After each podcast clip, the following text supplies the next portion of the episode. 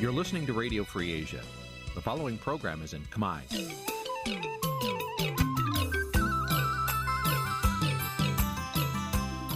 Nǐ chi càm bi tiệp xáy vệt chiu a zì sê ray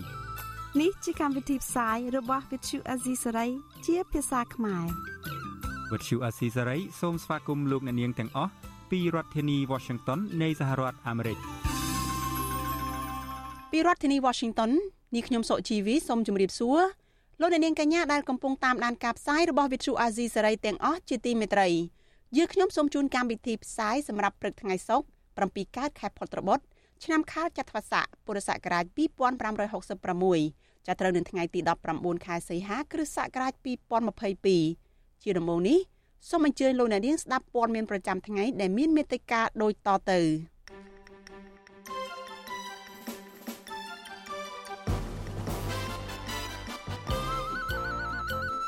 អ្នកវិភាគថាកម្ពុជាគួរពង្រឹងផ្នែកយោធាជាមួយប្រទេសលោកសេរីស្របជាមួយនឹងប្រទេសចិនកម្មកររោងចក្រនិងសហជីពរក្សាជំហរទាមទារប្រាក់ឈ្នួល213ដុល្លារសម្រាប់ឆ្នាំ2023វិជ្ជបណ្ឌិតខ្មែរទទួលបានពានរង្វាន់ Nobel អាស៊ីក្នុងកិច្ចការងារព្យាបាលជំងឺផ្លូវចិត្តបទសម្ភាសជាមួយលោកសំរងស៊ី ពីលទ្ធផលជំរះក្តីនៅតុលាការបារាំងសំណុំរឿងបរិហាកេលោកហ៊ុនសែនរួមនឹងព័ត៌មានសំខាន់សំខាន់មួយចំនួនទៀតចាជាបន្តទៅទៀតនេះនាងខ្ញុំសុជីវីសូមជូនព័ត៌មានទាំងនេះពិស្ដាចាលោកនាងជាទីមេត្រីលោកសំរងស៊ីប្រធានស្ដីទីគណៈបកសង្គ្រោះជាតិប្រាប់តុលាការបារាំងថា ការតតាំងក្តីរបស់លោកនៅតុលាការនេះមិនមែនដើម្បីតែការពារខ្លួនលោកដែលជាជនរងគ្រោះ ពីការធ្វើបាបរបស់លោកហ៊ុនសែនប៉ុណ្ណោះទេគឺថែមទាំងជាការតតាំងដើម្បីពលរដ្ឋខ្មែរជាជនរងគ្រោះជាច្រើនរូបផ្សេងទៀតលោកសំរងស៊ីបញ្ជាក់បែបនេះនៅក្រៅពេលដែលលោកបានចូលទៅឆ្លើយបំភ្លឺនៅតុលាការបារាំងកាលពីថ្ងៃទី1ខែកញ្ញាម្សិលមិញដែលតុលាការបានបើកសវនកម្មរយៈពេលជាង5ម៉ោងជំនុំជម្រះក្តីដែលលោកហ៊ុនសែននិងកូនប្រសាគឺលោកឌីវិជាប្តឹងលោកសំរងស៊ីពីបទបរិហាកេតុលាការ គ្រងនឹងប្រកាសសាលក្រមសំណុំរឿងនេះនៅថ្ងៃទី10ខែតុលាខាងមុខនេះលោកហ៊ុនសែននិងលោកឌីវិជាជាកូនប្រុសរបស់លោកហុកឡុងឌីបានប្តឹងលោកសំរងស៊ីកាលពីថ្ងៃទី20ខែសីហាឆ្នាំ2019នៅតុលាការប្រទេសបារាំងពីបទបរិហាកេ ចំពោះការដែលលោកសំរងស៊ីចោទលោកហ៊ុនសែនថាជាអ្នករៀបចំផែនការសម្រាប់លោកហុកឡុងឌីដែលជាដន្លងសូមអញ្ជើញលោកអ្នកនាងរងចាំស្ដាប់បទសម្ភាសន៍រវាងលោកជុនច័ន្ទបុត និងលោកសំរងស៊ីពីលទ្ធផលនៃសវនកម្មនៅតុលាការបារាំងនេះនៅក្នុងការផ្សាយរបស់យើងនៅពេលបន្តិចទៀតនេះ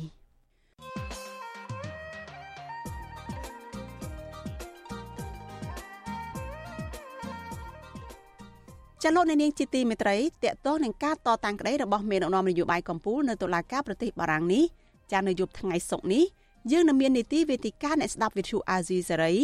ដែលយើងនឹងជជែក អំពីមេដឹកនាំគណៈបកនយោបាយទាំងពីរដែលងាកចេញពីផ្លូវផ្សះផ្សាជាតិមកប្រើប្រាស់តុលាការបារាំងដើម្បីយកឈ្នះចាញ់គ្នានេះតើករណីនេះមានផលប៉ះពាល់អ្វីខ្លះដល់សង្គមជាតិចាសសូមអញ្ជើញលោកអ្នកនាងរងចាំតាមដាននេតិវេទិកាអ្នកស្ដាប់វិទ្យុអាស៊ីសេរីនៅយប់ថ្ងៃសុក្រទី2ខែកញ្ញានេះចាដែលនឹងជជែកអំពីបញ្ហានេះកុំបីខានប្រសិនបើលោកអ្នកនាងមានសំណួរទៅវាគ្មិនរបស់យើងឬចង់បញ្ចេញមតិយោបល់ចាសសូមអញ្ជើញលោកអ្នកនាង ដាក់លេខទូរស័ព្ទរបស់លោកអ្នកនាងនៅក្នុងខ្ទង់ comment ឬប្រអប់សារ Facebook និង YouTube Vithu Azizi Saray ចាស់ក្រុមការងាររបស់យើងនឹងហៅទៅលោកអ្នកនាងវិញ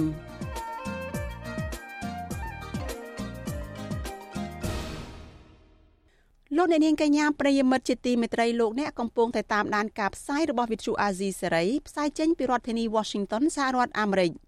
ចាក្រុមការងារអ្នកជំនាញកិច្ចការនយោបាយលើកឡើងស្របគ្នាថារដ្ឋាភិបាលកម្ពុជា គួរតែប្រឹងប្រែងស្ដារនិងពង្រឹងទំនាក់ទំនងលើវិស័យយោធាជាមួយប្រទេសលោកសេរីបន្ថែមទៀតក្រុមអ្នកជំនាញដដែលបញ្ជាក់ថាការពង្រឹងទំនាក់ទំនងជាមួយប្រទេសចិនតែមួយនោះនឹងធ្វើឲ្យកម្ពុជាបាត់បង់ភាពអព្យាក្រឹតចាស់លោកយ៉ងច័ន្ទតារារាយការណ៍អំពីរឿងនេះក្រុមអ្នកតាមដានស្ថានភាពនយោបាយមើលឃើញថាការធ្វើសម្ពយុទ្ធយោធាគឺជារឿងល្អដើម្បីពង្រឹងសមត្ថភាពយោធារបស់កម្ពុជា ក៏ប៉ុន្តែរដ្ឋាភិបាលមិនគួរធ្វើសម្ពយុទ្ធយោធានេះតែជាមួយប្រទេសចិនឡើយជាពិសេសនៅក្នុងពេលដែលភាពតានតឹងកំពុងតែកើតមានឡើងរវាងក្រមប្រទេសលោកខាងលិចជាមួយនឹងប្រទេសចិនកុម្មុយនីសអ្នកសិក្សាស្រាវជ្រាវផ្នែកភូមិសាស្ត្រនយោបាយលោកវ៉ាន់បូណាថ្លែងថាសម្ពយុទ្ធយោធាជាមួយចិនមានទាំងផលវិជ្ជមាន និងអវិជ្ជមានសម្រាប់កម្ពុជាលោកថាផលវិជ្ជមាននោះគឺកម្ពុជាអាចពង្រឹងសមត្ថភាពយោធារបស់ខ្លួន ក៏ប៉ុន្តែផលអវិជ្ជមានវិញគឺធ្វើឲ្យគេមើលឃើញថាកម្ពុជាកំពុងលំអៀងទៅរកប្រទេសចិននៅក្នុងចំនួនភូមិសាស្ត្រនយោបាយអន្តរជាតិវិបត្តិភូមិសាស្ត្រនយោបាយរវាងចិននិងសហរដ្ឋអាមេរិកនេះកំពុងឡើងកម្ដៅខ្លាំងមែនទែនជាពិសេសទាក់ទងនឹងបញ្ហានៅច្រកតៃវ៉ាន់ហ្នឹងហើយចិនក៏បានធ្វើសម្យុទ្ធត្រង់ទ្រាយធំហើយបាញ់ក្របពិតអញ្ចឹងទៅវាបង្កជាការព្រួយបារម្ភទៅដល់បណ្ដាប្រទេសសហរដ្ឋអាមេរិកនិងជាសម្ព័ន្ធមិត្តរបស់សហរដ្ឋអាមេរិកផងដែរអញ្ចឹងដូចគ្នានេះផងដែរបើសិនជាចិនមកធ្វើសម្យុទ្ធជាមួយនឹងកម្ពុជាក្នុងស្ថានភាពដែលកំពុងតាមតឹងនឹងវាធ្វើឲ្យកម្ពុជានឹងត្រូវបានគេមើលឃើញបន្ថែមទៀតថា ហាក់ដូចជាលំអៀងទៅរកចិនឬក៏គ្រប់គ្រងគោលនយោបាយចិនផងដែរ ស្រដៀងគ្នានេះដែរអ្នកជំនាញផ្នែកវិទ្យាសាស្ត្រនយោបាយនិងទំនាក់ទំនងអន្តរជាតិលោកអែមសវណ្ណារាមានប្រសាសន៍ថាសម្ពយុទ្ធយោធាតែជាមួយប្រទេសចិននឹងធ្វើឲ្យគេវាយតម្លៃថាកម្ពុជាមិនមានភាពអព្យាក្រឹតនៅក្នុងវិស័យយោធាលោកបន្ថែមថារដ្ឋាភិបាលគួរតែបង្កើតសម្ពយុទ្ធយោធាជាមួយប្រទេសលោកសេរីដែរស្របពេលដែលកម្ពុជាប្រឹងប្រែងពង្រឹងទំនាក់ទំនងជាមួយចិននេះ វាល្អហើយប៉ុន្តែគ្រាន់ថាយើងឃើញតែមួយភាគមួយជំហៀងខាងកុំនេះខាងលោកសេរីយើងឲ្យឃើញមានភាពរីកចម្រើនចឹងទោះបីយើងរក្សាបាននៅស្ថានភាពអព្យាក្រឹតក៏ស្ថានភាពរូបភាពទូទៅពិបាកមើលថាយើងអព្យាក្រឹតក្នុងទ្រង់ទ្រាយបែបណាដែរនេះជាអ្វីដែលបញ្ហាចំហនយោបាយកងទ័ពកម្ពុជាការលើកឡើងរបស់ក្រុមអ្នកជំនាញបែបនេះកើតមានក្រោយពីរដ្ឋមន្ត្រីការពារជាតិលោកទាបាញ់បានឲ្យដឹងកាលពីថ្ងៃទី1ខែកញ្ញាថា កងទ័ពកម្ពុជានិងចិនកំពុងពិភាក្សាគ្នាដើម្បីរៀបចំសម្ពយុទ្ធយោធាសារជាថ្មីម្ដងទៀតក្រោយអាក់ខានដោយសារបញ្ហាជំងឺ Covid-19 លោកទាបាញ់មិនទាន់បានបញ្ជាក់អំពីកាលបរិច្ឆេទនៃការរៀបចំសម្ពយុទ្ធនេះនៅឡើយទេក៏ប៉ុន្តែលោកអះអាងថាព្រឹត្តិការណ៍នេះនឹងមានទ្រង់ទ្រាយធំជាងលើកមុនមុនទៅទៀតយើងកំពុងស្ថិតក្នុងសភាពពិគ្រោះគ្នាដែរ អាចនឹងធ្វើដំណើរហើយលើកនេះដូចខ្ញុំបានធ្លាប់និយាយហើយបើធ្វើសំយុទ្ធលើកនេះលំហាត់ជាមួយសាធារណរដ្ឋចិនលើកនេះគឺអាចនឹងធ្វើទ្រង់ទ្រាយធំហើយមានលក្ខណៈចម្រុះថែមទៀតអាចពង្រីកពីហៅថាយើងមានជើងទឹកអីផងដែរក្រៅពីទម្លាយឲ្យដឹងពីគម្រោងធ្វើសមយុទ្ធយោធាជាមួយកងទ័ពចិននេះលោកទាបាញ់ក៏បានបន្តបដិសេធរឿងវត្តមានកងទ័ពចិននៅក្នុងមូលដ្ឋានកងទ័ពជើងទឹករៀមផងដែរ លោកអះអាងថាការធ្វើទំនើបកម្មមូលដ្ឋានទ័ពរៀមនេះគឺដើម្បីបង្កើនសមត្ថភាពរបស់កងទ័ពជើងទឹកកម្ពុជាប៉ុណ្ណោះទោះជាយ៉ាងណាអគ្គលេខាធិការសហព័ន្ធនិស្សិតបញ្ញវន្តកម្ពុជា លោកគៀនពន្លកយល់ថាក្រមប្រទេសលោកខាងលិចនៅតែមិនទាន់ជឿជាក់ទៅលើការបកស្រាយទាំងនេះទេពីព្រោះរដ្ឋាភិបាលកម្ពុជាមិនទាន់បង្ហាញដំណាភៀបព័ត៌មានអំពីគម្រោងអភិវឌ្ឍមូលដ្ឋានទ័ពរៀមនេះនៅឡើយទេម្យ៉ាងវិញទៀតលោកថាសកម្មភាពរបស់រដ្ឋាភិបាលកម្ពុជា កាន់តែបង្ហាញពីភាពលំអៀងខ្លាំងទៅរករបបក្រុងប៉េកាំងតួយ៉ាងដូចជាគម្រោងសម្ពយុទ្ធយោធានៅពេលនេះជាដើមខ្ញុំមានការព្រួយបារម្ភថាប្រសិនបើកម្ពុជានៅតែប្រកាន់ជំហរនិងឆន្ទៈបែបនេះនឹងធ្វើឲ្យទំនាក់ទំនងរវាងប្រទេសកម្ពុជាហើយនិងសហរដ្ឋអាមេរិកហើយនិងប្រទេសលោកសេរីផ្សេងផ្សេងទៀតហ្នឹងគឺកាន់តែមានផលអវិជ្ជមានច្រើនជាងផលវិជ្ជមាន កម្ពុជាក្រោមការគ្រប់គ្រងរបស់លោកហ៊ុនសែនបានរៀបចំសម្ពយុទ្ធយោធាជាមួយកងទ័ពចិនចំនួន4លើករួចមកហើយចាប់តាំងពីឆ្នាំ2016មកក៏ប៉ុន្តែសម្ពយុទ្ធយោធានេះត្រូវបានផ្អាកអំឡុងពេលនៃការរីករាលដាលជំងឺ Covid-19 ក្រុមអ្នកសង្កេតការបានវិយតម្លៃថាប្រទេសចិន បានបង្កើតអធិបុលរបស់ខ្លួនកាន់តែខ្លាំងតាមរយៈការធ្វើសម្ពយុទ្ធយោធា និងការផ្ដល់ជំនួយយោធាដ៏ច្រើនសន្ធឹកសន្ធាប់ដល់រដ្ឋាភិបាលលោកហ៊ុនសែន ក៏ប៉ុន្តែតាមរយៈទំនាក់ទំនងដ៏ជិតស្និទ្ធនេះរដ្ឋាភិបាលលោកហ៊ុនសែនកំពុងរងការចោទប្រកាន់ថាបានអនុញ្ញាតឲ្យកងទ័ពចិនបោះទីតាំងនៅមូលដ្ឋានទ័ពជើងទឹករៀមទីដែលចិនគឺជាអ្នកជួយធ្វើទំនើបកម្មកំណើនអធិបុលយោធារបស់ចិនបូករួមទាំងបញ្ហាសិទ្ធិមនុស្សនិងអំពើពុករលួយផង បានធ្វើឲ្យសហរដ្ឋអាមេរិកសម្រេចដាក់ទណ្ឌកម្មរដ្ឋបတ်ការលូអាវុធនិងសម្ភារៈយោធាឲ្យកម្ពុជា កាលពីចុងឆ្នាំ2021 បន្ថែមទៅលើទណ្ឌកម្មដែលសហរដ្ឋអាមេរិកបានដាក់ទៅលើមន្ត្រីយោធាជាន់ខ្ពស់របស់កម្ពុជា ជាលក្ខណៈបុគ្គលខ្ញុំយ៉ងច័ន្ទដារាវិទ្យុអាស៊ីសេរីរាយការណ៍ពីរដ្ឋធានី Washington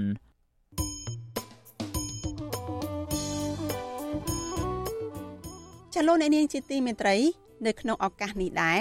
នាងខ្ញុំសូមថ្លែងអំណរគុណដល់លោកអ្នកនាងកញ្ញាទាំងអស់ដែលតែងតែមានភក្ដីភាពចំពោះការផ្សាយរបស់យើង ហើយចាត់ទុកការស្ដាប់វិទ្យុអាស៊ីសេរីនេះគឺជាផ្នែកមួយនៃសកម្មភាពប្រចាំថ្ងៃរបស់លោកអ្នកនាងចាការគ្រប់គ្រងរបស់លោកអ្នកនាងនេះហើយដែលធ្វើឲ្យយើងខ្ញុំកាន់តែមានទឹកចិត្តខ្លាំងថែមទៀតក្នុងការស្វែងរកព័ត៌មាននិងផ្តល់ព័ត៌មានពិតជូនលោកអ្នកនាងចាំមានអ្នកស្ដាប់មានអ្នកទស្សនាកាន់តែច្រើនកាន់តែធ្វើឲ្យយើងខ្ញុំមានភាពស្វាហាប់មោះមុតជាបន្តទៅទៀតយើងខ្ញុំសូមអរគុណទុកជាមុនហើយសូមអញ្ជើញលោកអ្នកនាងកញ្ញា ចូលរួមជំរុញឲ្យសកម្មភាពផ្សព្វផ្សាយព័ត៌មានរបស់វិទ្យុអាស៊ីសេរីនេះចាកាន់តែជោគជ័យបន្ថែមទៀតចាលោកអ្នកនាងអាចជួយយើងខ្ញុំបានដោយគ្រាន់តែចុចចែករំលែកការផ្សាយរបស់វិទ្យុអាស៊ីសេរីចានៅលើបណ្ដាញសង្គម Facebook និង YouTube ទៅកាន់មិត្តភ័ក្តិរបស់លោកអ្នកនាងចាដើម្បីឲ្យការផ្សាយរបស់យើងនេះបានទៅដល់មនុស្សកាន់តែច្រើនចាសូមអរគុណ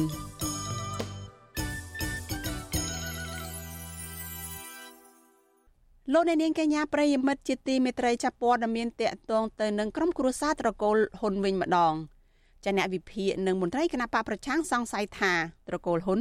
កំពុងមានស្នាមប្រេះឆាព្រោះកូនកូនរបស់លោកយមត្រីហ៊ុនសែនកំពុងប្រជែងនយោបាយរៀងៗខ្លួន ក្នុងមហិច្ឆតាធ្វើនាយករដ្ឋមន្ត្រីជំនួសឪពុក ការលើកឡើងដូចនេះក្រោយពេលលោកហ៊ុនសែនបានចេញសារកម្រមួយអះអាងថា កូនកូនរបស់លោក កូនកូនរបស់លោកមិនបានប្រជែងគ្នាដណ្ដើមតំណែងធ្វើនាយករដ្ឋមន្ត្រីបន្ទាប់ពីឪពុកនោះទេចាលូទីនសការីយ៉ាមានសេចក្តីរាយការណ៍អំពីរឿងនេះ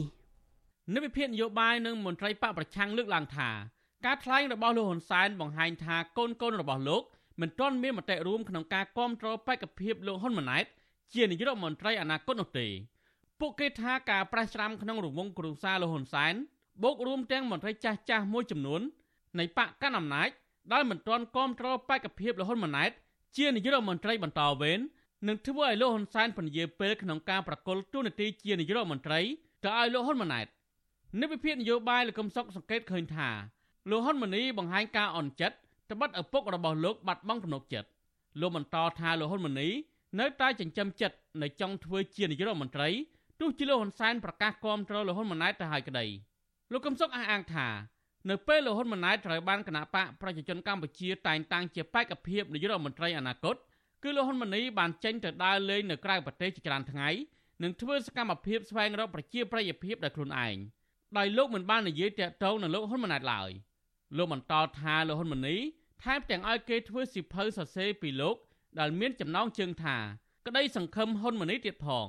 ហ៊ុនម៉ាណីធ្វើសកម្មភាពប្រឹងលើកតម្កើងខ្លួននៅក្នុងចលនារបស់ ខ្លួនហើយអត់ភ្ជាប់ទៅនឹងការគ្រប់គ្រងណាមួយនឹងឈ្មោះហ៊ុនម៉ាណែតទេហ៊ុនម៉ាណីធ្វើសកម្មភាពមួយចំនួនទៀតដូចជាបង្កើតព្រឹត្តិការណ៍បង្ហាញក្តីសង្ឃឹមហ៊ុនម៉ាណីហើយព្រឹត្តិការណ៍នេះលើកតម្កើងហ៊ុនម៉ាណីមែនទែនលោកកឹមសុខយល់ថាផ្ទៃក្នុងគ្រួសារលោកហ៊ុនសែននិងផ្ទៃក្នុងគណៈបកប្រជាជនកម្ពុជានឹងមានភាពប្រឆាំដែលប្រឈមនឹងការប្រេះឆារហូតធ្វើឲ្យបកកណ្ដាលអំណាចជួបវិបត្តិធ្ងន់ធ្ងរបើលោកហ៊ុនសែន ដោះស្រាយមិនទាន់ពេលវេលានោះលោកកំសុងយល់ថាលោកហ៊ុនសែនអាចនឹងឆ្លើយបញ្ហានេះដោយប្រកុលការងារសំខាន់សំខាន់មួយចំនួនឲ្យលោកហ៊ុនម៉ាណីអាចមានឥទ្ធិពលតែងតាំងមន្ត្រីតាមក្រសួងស្ថាប័នមួយចំនួនទោះជាលោកហ៊ុនម៉ាណីមិនបានអង្គុយនៅកៅអីជានាយករដ្ឋមន្ត្រីក្តីលោកកំសុកលើកឡើងដូចនេះក្រោយពេលលោកហ៊ុនសែនចេញមុខអះអាងថាកូនប្រុសពៅរបស់លោកគឺលោកហ៊ុនម៉ាណីតែងតែគោរពបងប្រុសច្បងរបស់ខ្លួនណាស់ហើយលោកហ៊ុនម៉ាណីគ្មានមហិច្ឆតា ធ្វើជានាយករដ្ឋមន្ត្រីអ្វីនោះទេលោកអះអាងថាអ្នកនិពន្ធសិភៅលើកឡើងពីលោកហ៊ុនម៉ាណីនិងលោកហ៊ុនម៉ាណែតនោះគ្រាន់តែជារឿងចៃដន្យតែប៉ុណ្ណោះបងប្អូនគេគេមានឋានៈនៅក្រោមរបស់គេគេស្ដាប់បងរបស់គេណាគេគ្មានមហិច្ឆតាដើម្បីធ្វើនាយករដ្ឋមន្ត្រីជំនួសបងរបស់គេទៅដើមវាទៅជាវិភាគ ដំបងវិភាគត្រឹមតែគណៈបកប្រជាជនទេដាក់បកប្រជាជនអត់ឯកភាពព្រះទេក្នុងការលើកហ៊ុនម៉ាណែតឥឡូវដល់ទៅហ៊ុនម៉ាណែតនិងហ៊ុនម៉ាណីតដើមរាធ្វើនាយករដ្ឋមន្ត្រីចំនួនធ្ងន់ធ្ងរក្នុងគ្រួសារត្រូវតម្រូវឲ្យលោកហ៊ុនសែនចេញមកសម្បោសសម្បួលអត់ចាំបាច់សម្បោសសម្បួលទេកូនរបស់ខ្ញុំគេស្គាល់គ្នាណាស់លោកហ៊ុនសែនថ្លែងបែបនេះក្នុងពិធីបើកការដ្ឋានសាងសង់ស្ពានអាកាសរាជធានីភ្នំពេញកាលពីថ្ងៃទី31សីហា ចំណែកលោកហ៊ុនម៉ាណីក្រោយពីឪពុករបស់លោកលើកឡើងដូចនេះលោកបានបង្ហោះសារលើទំព័រ Facebook របស់លោកថា ការវិភាគថាលោកនិងបងប្រុសរបស់លោកកំពុងតែប្រជែងគ្នាដណ្ដើមតំណែងនាយករដ្ឋមន្ត្រីពីឪពុកគឺជាចេតនាអុចអាលនិងញុះញង់និងជាការវិភាគដែលគួរឲ្យអស់សំណើចលោកលើកឡើងទៀតថារូបលោករួមទាំងគណៈបកប្រជាជនកម្ពុជា បានគាំទ្រលោកហ៊ុនម៉ាណែតជាបេក្ខជនអនាគតនាយករដ្ឋមន្ត្រីបន្តពីឪពុកទោះជាលោកហ៊ុនម៉ាណីលើកឡើងបែបនេះក្តី ប៉ុន្តែអតីតសមាជិកសភាគណៈបកសង្គ្រោះជាតិលោកអ៊ុំសំអាន សង្កេតឃើញថាដំបងឡាយលោកហ៊ុនសែនជាឪពុកបានព្យាយាមលើកបន្ទប់លោកហ៊ុនម៉ាណីធ្វើជានាយករដ្ឋមន្ត្រីបន្តពីលោកក្នុងនោះរួមមានការរៀបចំឲ្យលោកហ៊ុនម៉ាណីធ្វើកម្មវិធីអង្គរសង្ក្រាននៅខេត្តសៀមរាបនិងការប្រមូលក្រុមយុវជនចូលរួមក្នុងសហភាពសហព័ន្ធយុវជនកម្ពុជាជាដើមមន្ត្រីបកប្រឆាំងរូបនេះយល់ថាលោកហ៊ុនម៉ាណីបានបាត់បង់ឱកាសដឹកនាំប្រទេសនេះពីព្រោះលោកហ៊ុនម៉ាណីគ្មានភាពម៉ឺងម៉ាត់ ក្នុងការបំពេញការងារករណីផ្ទុះរឿងអាស្រ័យជាមួយអ្នកសិល្បៈនិងចំណុចសំខាន់សំខាន់មួយចំនួនទៀតដូចជាលោកគ្មានកងទ័ពនៅក្នុងដៃសម្រាប់គ្រប់គ្រងស្ថានភាពជាដើម។ នៅពេលដែលកសាងលបងលោកហ៊ុនម៉ាណីហ្នឹងមិនទៅអាចទៅរួចទេដោយសារសមត្ថភាពលោកហ៊ុនម៉ាណីហ្នឹងមិនអាចគ្រប់គ្រងសភាពការបានទាំងគាត់ជាមន្ត្រីស៊ីវិលទៀតហើយមានរឿងអាស្រូវផ្លូវពេទ្យហើយជាមួយតារាតារាច្រើនទៀតលោកហ៊ុនសែនគាត់យល់ថាលោកហ៊ុនម៉ាណីហ្នឹងមិនស័ក្តិសមជាបេក្ខជននាយករដ្ឋមន្ត្រីបន្តវេននោះទេអញ្ចឹងបានជាគាត់ប្រូចិត្តពីលោកហ៊ុនម៉ាណីទៅគ្រប់គ្រងលោកហ៊ុនម៉ាណែតវិញណាអញ្ចឹងវាធ្វើឲ្យបងប្អូនទាំងពីរហ្នឹងមានការអន់ចិត្តជាមួយគ្នាតកតងនៅរឿងនេះដែរលោកហ៊ុនម៉ាណីបានសារភាពថា ក្នុងពេលលោកធ្វើជាជំនួយការដែលជាអ្នកជួយកាន់កិច្ចការឲ្យឪពុករបស់លោក លោកសាងកំហុសជាញឹកញាប់ដូចជាលោកទៅប្រជុំមិនទាន់ម៉ោង2ដងដែលករណីនេះធ្វើឲ្យឪពុកលោកប្រមានថា លោកត្រូវបានឪពុកគូសខ្វែងចំនួន2ដង លោកបន្តទៀតថា លោកបានសាងកំហុសធំមួយទៀតដោយបានឆ្លើយសំណួររបស់ឪពុកទាំងមិនបានឆ្លើយជ្រាវឲ្យបានច្បាស់លាស់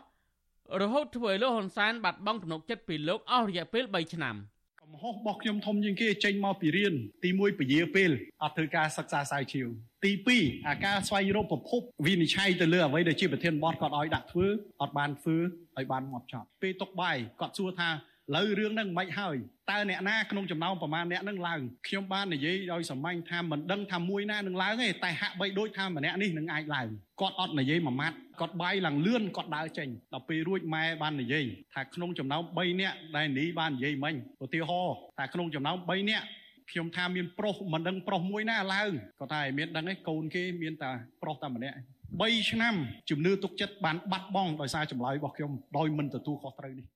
លោកហ៊ុនម៉ាណីលើកឡើងដូចនេះនៅក្នុងពិធីផ្សព្វផ្សាយសិភៅក្តីសង្ឃឹមលោកហ៊ុនម៉ាណីកាលពីថ្ងៃទី10សីហានៅវិភាគនឹងមន្ត្រីបកប្រឆាំងថាប្រសិនបើលោកហ៊ុនម៉ាណែតឡើងកាន់អំណាចបន្តពីឪពុកក្នុងស្ថានភាពភ័យស្រួយដូចសពថ្ងៃអាចនឹងធ្វើឲ្យកើតមានចំនួនឬផ្ទុះអាវុធក្នុងគ្រួសារតកូលហ៊ុនឬក្នុងបកកាន់អំណាចចំណែកប្រធានស្ដីទីគណៈបកសង្គ្រោះជាតិលោកសំរងស៊ីលើកឡើងកាលពីពេលថ្មីថ្មីនេះថាគម្រោងផ្ទេរអំណាចរបស់លោកហ៊ុនសែនទៅឲ្យលោកហ៊ុនម៉ាណែត ទំនងជាមិនបានជោគជ័យនោះទេព្រោះលោកហ៊ុនសែនពេលនេះនៅតែចង់រក្សាអំណាចរបស់ខ្លួននៅឡើយដើម្បីការពារខ្លួនពីការប៉ុនប៉ងចាប់ខ្លួនរបស់ប៉ូលីសអន្តរជាតិអន្តេប៉ូលខ្ញុំធីនសាការីយ៉ាអស៊ីសេរីប្រធានីវ៉ាស៊ីនតោនលោកអ្នកនាងកញ្ញាប្រិយមិត្តដែលកំពុងតាមដានការផ្សាយរបស់វិទ្យុអាស៊ីសេរីទាំងអស់ជាទីមេត្រីសហជីពនិងកម្មករវិស័យកាត់ដេររក្សាជំហរ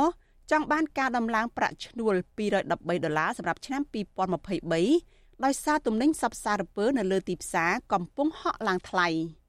ចាកិច្ចប្រជុំត្រីភាគីរួមមានក្រសួងកាងារភាគីនយោជកនិងភាគីសហជីពដើម្បីកំណត់ប្រាក់ឈ្នួលអបបរមានៅក្នុងឆ្នាំ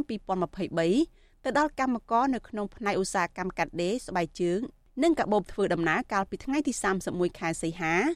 នៅមិនទាន់ឯកភាពគ្នានៅឡើយហើយភាគីទាំង3នឹងបន្តជជែកគ្នា នៅថ្ងៃទី13និងថ្ងៃទី21ខែកញ្ញា ចាលោកសេកបណ្ឌិតរាយការណ៍ព័ត៌មាននេះកិច្ចចរចាត្រីភាគីស្ដីពីប្រាក់ឈ្នួលគោលឆ្នាំ2023សម្រាប់កម្មករនិយោជិតក្នុងវិស័យកាត់ដេរសម្លៀកបំពាក់និងស្បែកជើង ដែលដំណើរការអស់ជាច្រើនខែកន្លងមកនេះមិនទាន់ចុះសម្រុងគ្នានៅឡើយទេ ដោយភាគីនីមួយៗមានអំណះអំណាងរៀងៗខ្លួន ដោយផ្អែកលើកត្តាសេដ្ឋកិច្ចសង្គមអគ្គលេខាធិការសហព័ន្ធសហជីពកម្ពុជា លោកម៉ៃសុភត្រា ប្រាប់បទសុអាស៊ីសេរីនៅថ្ងៃទី1ខែកញ្ញាថាសម្រាប់ការចរចាប្រាក់ឈ្នួលរបស់កម្មករចំនួន3លើកមកហើយនោះភាគីសហជីពតំណាងឲ្យកម្មករបានប្រកាន់ជំហររឹងមាំដោយកំណត់យកការដាក់ចេញនៅតម្លៃ213ដុល្លារសម្រាប់ប្រាក់ឈ្នួលកម្មករក្នុងឆ្នាំ2023លោកអះអាងថា តំណាងកម្មកររក្សាជំហរបែបនេះមកពីសហជីពបានសិក្សាយ៉ាងលម្អិតចំនួន7ចំណុចពីតម្រូវការរបស់កម្មករតាក់ទងនឹងប្រាក់ឈ្នួលបច្ចុប្បន្នដែលមិនអាចឲ្យកម្មករចាយវាយគ្រប់គ្រាន់បាននោះទេព្រោះមុខទំនិញឡើងថ្លៃគ្រប់ប្រភេទនិងការធ្វើដំណើររបស់កម្មករក៏ឡើងថ្លៃដែរ។ ខាងយើងសហជីពគឺបានសិក្សាពីលក្ខណៈវិនិច្ឆ័យទាំង7ទាំងពីការចំណាយរស់នៅខាងអីទាំងអស់ហ្នឹងអញ្ចឹងណាបងន័យថាពីបានសិក្សាស្រាវជ្រាវពីការប្រើប្រាស់នៅក្នុងកម្មករម្នាក់ទីហៅថាគាត់កម្មករម្នាក់ត្រូវបានចាយវាយទៅលើការ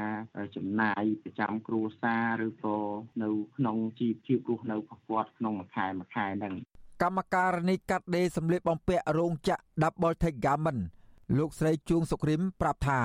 ប្រាក់ខែរបស់ពួកគាត់សប្តាហ៍នេះចាយវាយដោយត្បិតត្បៀតបំផុត គឺលោកស្រីទិញបាយតែ500រៀលម្ហូប1000រៀលសម្រាប់បាយមួយពេលនិងសឹងតែចំណាយប្រចាំថ្ងៃមិនគ្រប់ផង ស្របពេលដែលទំនិញឡើងថ្លៃគ្រប់មុខផងនោះរាល់ខែលោកស្រីគ្មានប្រាក់សន្សំផ្ញើទៅចិញ្ចឹមកូន និងម្ដាយចាស់នៅផ្ទះនោះទេ លោកស្រីបន្ថែមថា លោកស្រីក៏ដូចជាកម្មករផ្សេងទៀតដែរចង់ឲ្យក្រសួងកាងារដំឡើងប្រាក់ខែគោលដល់ពួកគាត់យ៉ាងតិចបំផុតជាង200ដុល្លារព្រោះប្រាក់ចំណាយប្រចាំថ្ងៃនេះចេះតែកើនឡើងឯប្រាក់ចំណូលនៅដដែល ធ្វើឲ្យជីវិតពួកគាត់រស់ទាំងត្រដាបត្រដួសនិងមានជីវភាពមិនទាន់សមរម្យនោះទេកិច្ចប្រជុំក្រុមប្រឹក្សាជាតិ ប្រាក់ឈ្នួលអបបរមាកាលពីថ្ងៃទី31ខែសីហា ក្រសួងកាងារប្រកាសលទ្ធផលថាភាគីតំណាងកម្មករបានបន្ថយតម្លៃពី215ដុល្លារមកនៅត្រឹម213ដុល្លារចំណែកភាគីតំណាងនយោជកក៏បានដំឡើងតួលេខពីចំនួន194ដុល្លារទៅដល់196ដុល្លារក្រសួងកាងារលើកឡើងថាភាគីទាំងពីរ បានបន្តបកស្រាយនឹងការពៀចំហរបស់ខ្លួនទៅវិញទៅមកប្រកបដោយវិជ្ជាជីវៈនិងភាពចាស់ទុំដែលធ្លាប់ឆ្លងកាត់ការងារនេះកន្លងមកប្រាក់ខែគោលរបស់ក្រុមកម្មករក្នុងឆ្នាំ2022នេះមានចំនួន194ដុល្លារក្រុមកម្មករត្អូញត្អែថាប្រាក់ឈ្នួលនេះមានចំនួនតិចតួចមិនអាចទ្រទ្រង់ជីវភាពរស់នៅប្រចាំថ្ងៃបានសមរម្យនោះទេដោយសារតែពួកគាត់ត្រូវការចាយវាយប្រចាំថ្ងៃ សងបំណុលធនាគារមីក្រូហិរញ្ញវត្ថុនិងចំណាយលើការព្យាបាលជំងឺជាដើមប៉ុន្មានឆ្នាំចុងក្រោយនេះស្ថានភាពនិងលក្ខខណ្ឌការងាររបស់កម្មករកាន់តែអាក្រក់ថែមទៀតដោយសារមិនសូវមានការងារថែមម៉ោងនិងរោងចក្រជាច្រើនបានកាត់បន្ថយម៉ោងធ្វើការងារនិងបើកប្រាក់ឈ្នួលតែ50%ប៉ុណ្ណោះដោយសារតែការយឺតយ៉ាវក្នុងការនាំចូលវត្ថុធាតុដើម។ តាមខ្ញុំចង់បានសុំត្រឹមមួយខែអាហ្នឹងប្រាក់ខែគោលយើងសុំ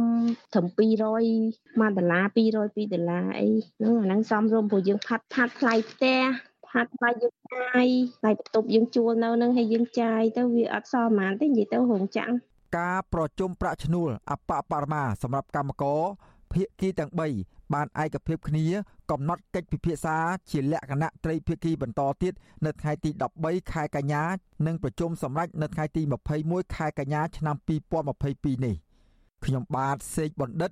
វិទ្យុអាស៊ីសេរីពីរដ្ឋធានីវ៉ាស៊ីនតោន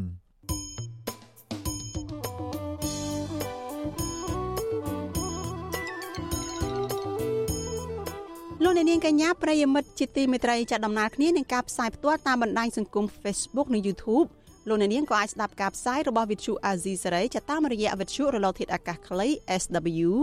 តាមកម្រិតនិងកម្ពស់ដូចតទៅនេះពេលព្រឹកចាប់ពីម៉ោង5កន្លះដល់ម៉ោង6កន្លះតាមរយៈរលកធាតុអាកាសខ្លី12140 kHz ស្មើនឹងកម្ពស់ 25m និង13715 kHz ស្មើនឹងកម្ពស់ 22m ពេលយប់ ចាប់ពីម៉ោង7កន្លះដល់ម៉ោង8កន្លះតាមរយៈរលកធាតុអាកាសខ្លី9960 kHz ស្មើនឹងកម្ពស់ 30m 12140 kHz ស្មើនឹងកម្ពស់ 25m និង11885 kHz ស្មើនឹងកម្ពស់ 25m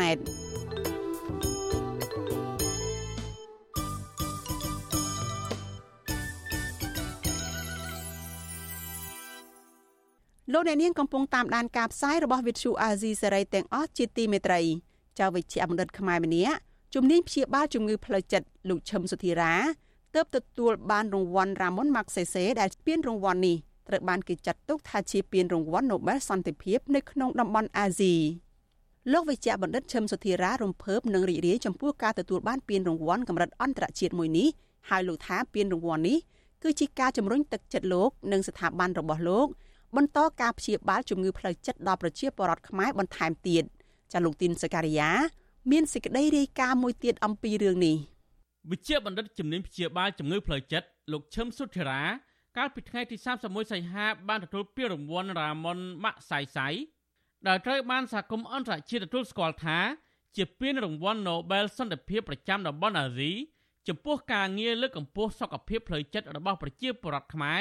ក្រោយពីរបបខ្មែរក្រហម វិជ្ជបណ្ឌិតឈឹមសុធិរាប្រាប់វិទ្យុអាស៊ីសេរីថាលោករំភើបនឹងរីករាយដែលទទួលបានពានរង្វាន់អន្តរជាតិមួយនេះលោកបន្ថែមថាពានរង្វាន់នេះមិនគ្រាន់តែជាការទទួលស្គាល់និងផ្ដល់តម្លៃដល់កិច្ចការខិតខំប្រឹងប្រែងក្នុងការងាររបស់លោកអស់រយៈពេលជាង20ឆ្នាំមកប៉ុណ្ណោះទេតែជាការជំរុញលើកទឹកចិត្តដល់លោកនិងស្ថាប័នរបស់លោកបន្តការងារក្នុងវិស័យព្យាបាលជំងឺផ្លូវចិត្តដល់ប្រជាពលរដ្ឋខ្មែរបន្ថែមទៀត ពានរង្វាន់នោះវាមានតម្លៃខ្លាំងហើយវាឆ្លុះបញ្ចាំងនៅការងារនៅការប្រឹងប្រែងដែលខ្ញុំបាទនិងអង្គការ TPO នឹងបានខំប្រឹងប្រែងជួយប្រជាជនកម្ពុជាជាង20ឆ្នាំមកហើយហើយក៏ខ្ញុំគិតថាគឺជាតម្លៃមួយកិត្តិយសមួយសម្រាប់ជាតិយើងដែរវិជ្ជបណ្ឌិតឈឹមសុធិរាគឺជានាយកប្រតិបត្តិអង្គការចិត្តសង្គមអន្តរវប្បធម៌ឬហៅកាត់ថា TPO ដែលជាអង្គការផ្ដល់សេវាកម្មព្យាបាលជំងឺផ្លូវចិត្តធំជាងគេ ក្នុងប្រទេសកម្ពុជា តាំងពីឆ្នាំ2002មកម្លេះលោកមានបងប្អូនពីរនាក់លោកជាកូនច្បងម្ដាយរបស់លោកឈ្មោះឈឹមមាន គឺជាស្ត្រីមេម៉ាយតែមានការងារជាស្ថាបត្យករតាំងពីទសវត្សរ៍ទី60មកម្លេះលោកឈឹមសុធិរា បានបញ្ចប់ការសិក្សាថ្នាក់វិជ្ជាបណ្ឌិតតាំងពីឆ្នាំ1992ហើយលោក បានចូលរៀនជំនាញឯកទេសបន្ថែមទៀតផ្នែកចិត្តសាស្ត្រនិងបានផ្លាស់ប្តូរការងារជំនាញវះកាត់របស់លោក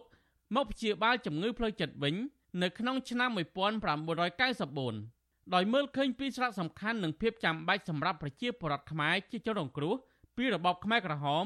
ដែលមានជំងឺផ្លូវចិត្តជាច្រើននោះលោកបានបន្តការសិក្សាជំងឺផ្លូវចិត្តរបស់លោកបន្តទៀតហើយបានបញ្ចប់ការសិក្សានៅឆ្នាំ2000ថ្នាក់អនុបណ្ឌិតជំនាញចិត្តសាស្ត្រនៅសាកលវិទ្យាល័យ New South Wales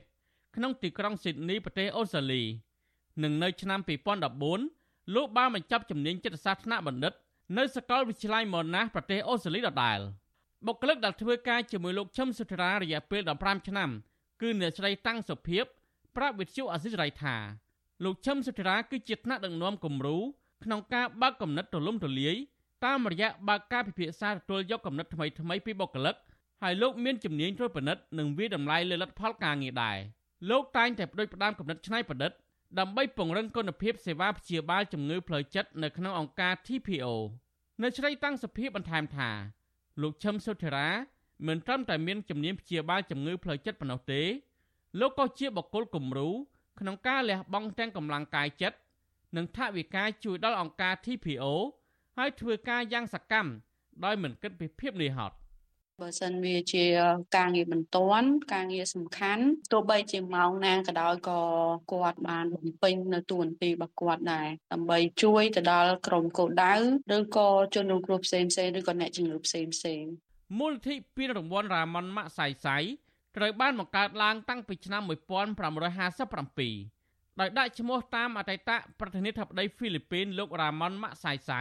ដែលបានទទួលមរណភាពដោយគ្រោះថ្នាក់ធ្លាក់យន្តហោះ នៅក្នុងឆ្នាំ1957នោះពានរង្វាន់នេះត្រូវបានសហគមន៍អន្តរជាតិទទួលស្គាល់ថា ជាពានរង្វាន់កិត្តិយសដ៏ខ្ពង់ខ្ពស់និងចាត់ទុកថាជាពានរង្វាន់សន្តិភាព Nobel ប្រចាំតំបន់អាស៊ីនៅក្នុងការផ្តល់ពានរង្វាន់លើកទី64នៅឆ្នាំ2022នេះមូលនិធិនេះក៏បានផ្តល់ពានរង្វាន់ដល់បុគ្គលិក3រូបផ្សេងទៀតដែរដែលពួកគេទាំងនោះមកពីប្រទេសជប៉ុនឥណ្ឌូនេស៊ីនិងប្រទេសហ្វីលីពីនដោយឡែក មូលនិធិរ៉ាម៉ុនម៉ាក់សៃសៃបានផ្ដល់ពានរង្វាន់ដល់លោកវិជ្ជបណ្ឌិតឈឹមសុធិរាដោយផ្អែកលើមូលហេតុសំខាន់សំខាន់ដូចជា ការលះបង់ប្រយោជន៍បុគ្គលដើម្បីផ្ដល់សេវាព្យាបាលជំងឺផ្លូវចិត្តឲ្យបានដល់ប្រជាពលរដ្ឋរស់នៅទីតាមជនបទដឹកនាំការសិក្សាឆ្លាវជ្រាវផ្នែកចិត្តសាស្ត្រនិងរកឃើញពីវិធីសាស្ត្រថ្មីៗក្នុងការព្យាបាលជំងឺបាក់ស្បាតនិងកិច្ចខិតខំប្រឹងប្រែងការងារដោយមិនគិតពីភាពនឿយហត់ក្នុងការផ្សះផ្សាផ្លូវចិត្តដល់ជនរងគ្រោះ បន្សល់ពីសម័យខ្មែរក្រហម កាលពីឆ្នាំ2017លោកវិជ្ជបណ្ឌិតឈឹមសុធិរាក៏ធ្លាប់ទទួលបានពានរង្វាន់វិជ្ជបណ្ឌិត Gisland Award ពីប្រទេសបែលហ្សិកទៅលើការងារលុបបំបាត់ស្លាកស្នាមអវិជ្ជមានបណ្ដាលមកពីជំងឺផ្លូវចិត្តដោយកាលនោះលោកវិជ្ជបណ្ឌិតបានបរិច្ចាគថវិកាពានរង្វាន់ដែលទទួលបានចំនួន50,000ដុល្លារអាមេរិកទៅអង្គការ TPO ទាំងអស់ហើយលោកនៅថ្នាក់ដឹកនាំនៃអង្គការ TPO នឹងទៅទទួលពានរង្វាន់រ៉ាម៉ុនម៉ាក់សាយសាយនេះនៅថ្ងៃទី30ខែវិច្ឆិកានៅទីក្រុងម៉ានីលប្រទេសហ្វីលីពីននាពេលខាងមុខខ្ញុំទីនសាការីយ៉ាអស៊ីសេរីប្រធានីវ៉ាស៊ីនតោនចាលោកនាងជាទីមេត្រីលោកសំរៀងស៊ីប្រធានស្ដីទីគណៈបកសង្គ្រោះជាតិប្រាប់តុលាការបារាំងថា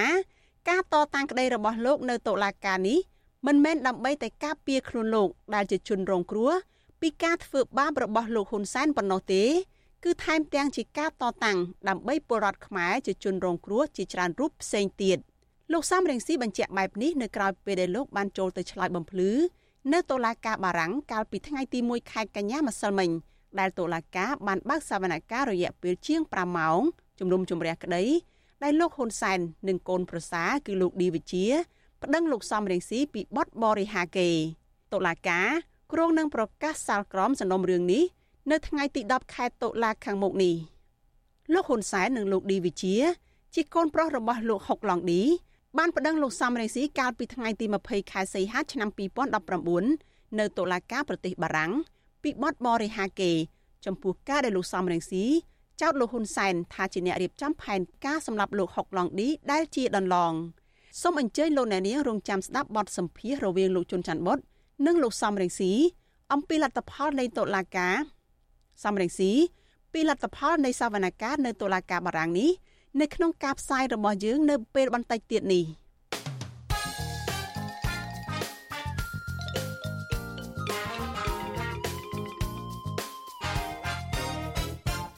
ចលនានាងកញ្ញាប្រិយមិត្តជាទីមេត្រីព័ត៌មានដាច់ដライមួយទៀតសង្គមស៊ីវិលរិះគន់រដ្ឋាភិបាលនិងក្រសួងព័ត៌មាន ថាយកលេសពន្យាពេលចេញច្បាប់ស្តីពីសិទ្ធិទទួលបានព័ត៌មាន ការរិះគន់នេះធ្វើឡើងបន្ទាប់ពីក្រសួងព័ត៌មានធ្វើសន្និសិទកាសែតនៅទីស្តីការគណៈរដ្ឋមន្ត្រី